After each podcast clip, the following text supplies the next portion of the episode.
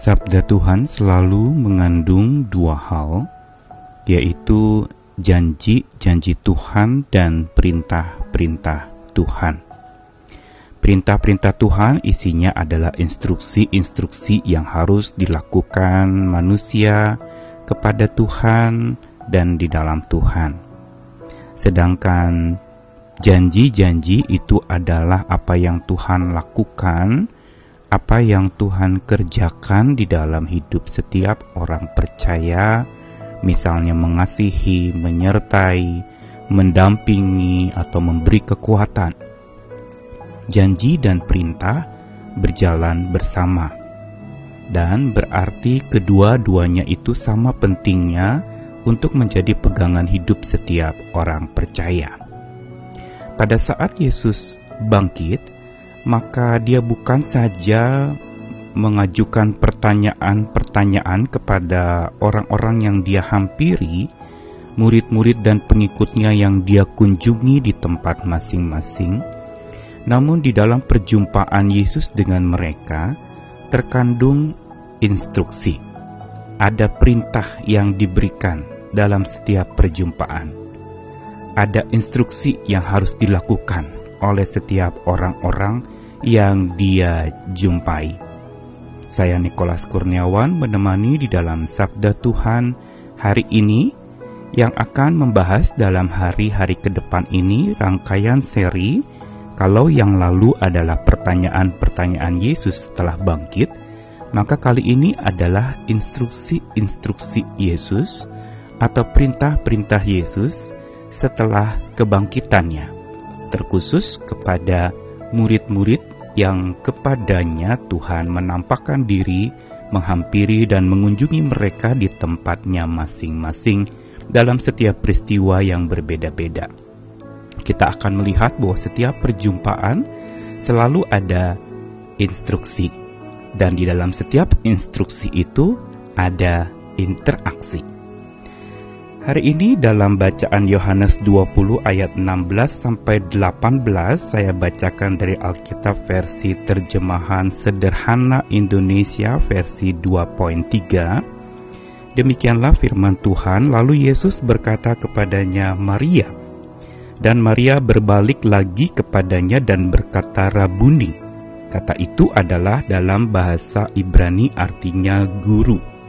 Dan Yesus berkata kepadanya, "Janganlah memegang aku terus, karena aku belum kembali kepada Bapak kita. Tetapi pergilah kepada sahabat-sahabatku dan beritahukanlah bahwa aku sudah berangkat kepada Bapak kita, yaitu Allah kita juga." Lalu Maria pergi menemui kami murid-murid Yesus dan memberitahukan seperti ini, saya sudah melihat Tuhan. Dan Maria juga menyampaikan apa yang sudah dikatakan Yesus kepadanya. Ini adalah perjumpaan perdana sosok yang Yesus hampiri secara khusus dan personal adalah Maria Magdalena seorang perempuan pengikut Yesus yang pernah mengalami mujizat bagaimana Tuhan melepaskan dia dari cengkeraman kuasa jahat. Dan kali ini Maria Magdalena yang dirundung kesedihan duka cita berkabung karena Tuhan mati, dia datang ke kubur itu dan mendapati kubur itu kosong. Dan kita tahu bersama bagaimana Maria Magdalena menganggap seorang yang ada di dekat kubur itu dikiranya adalah penunggu taman, tetapi ternyata dia adalah Yesus.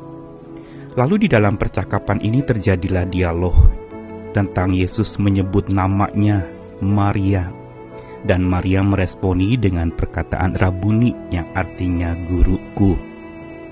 Dan yang akan kita fokuskan adalah bagaimana Yesus berkata kepada Maria Magdalena, "Jangan memegang aku terus." Dalam Alkitab versi terjemahan baru dikatakan, "Janganlah engkau memegang aku."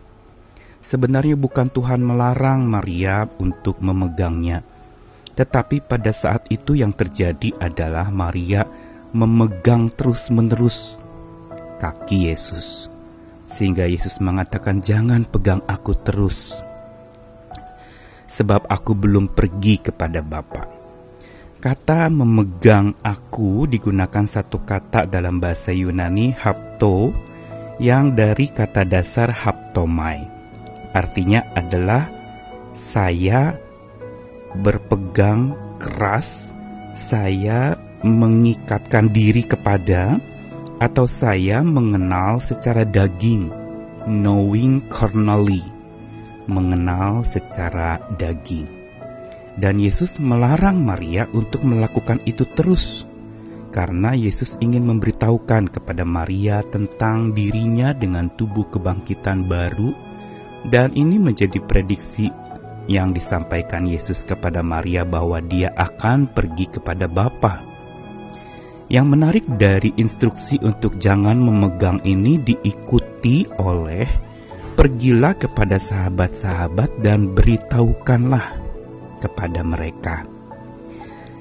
Jadi kita melihat ada tiga instruksi yang Yesus berikan kepada Maria Magdalena.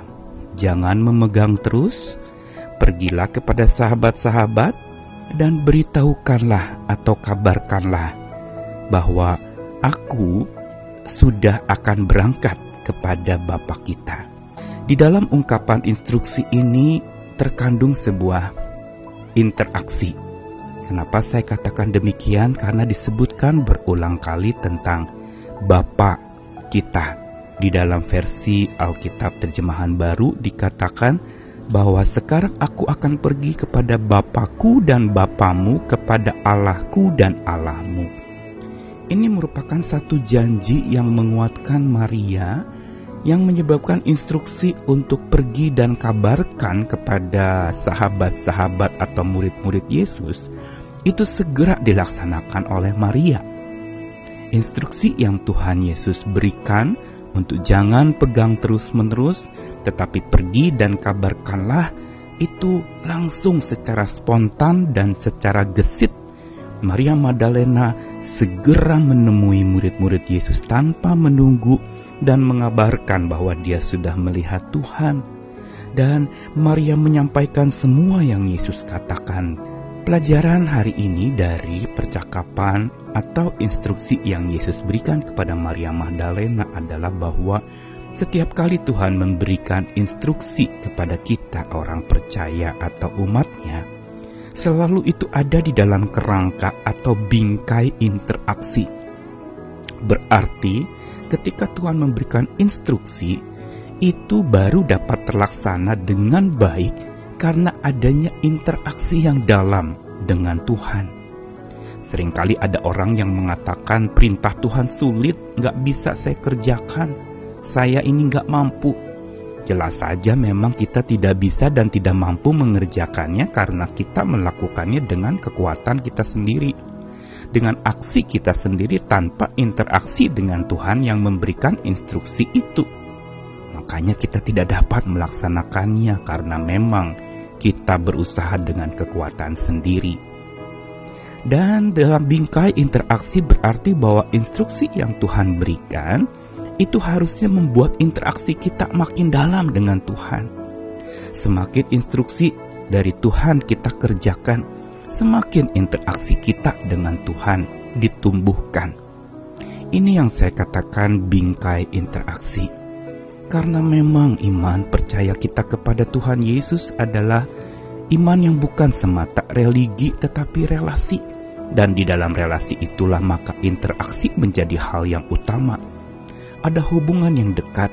Itulah yang membuat kita kuat untuk melakukan apa yang Tuhan perintahkan walaupun terasa berat dan kita menganggap itu tidak mungkin kita kerjakan.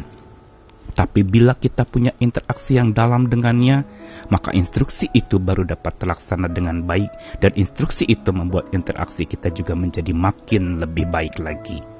Karena itu tetaplah menjaga dan membangun interaksi dengan Tuhan supaya semua instruksi yang dia perintahkan, yang dia katakan untuk kita laksanakan dapat terlaksana dengan baik sesuai dengan apa yang ia inginkan. Selamat membangun interaksi biar bingkai interaksi itu memberikan kepada kita kedamaian, kekuatan untuk melangkah. Amin.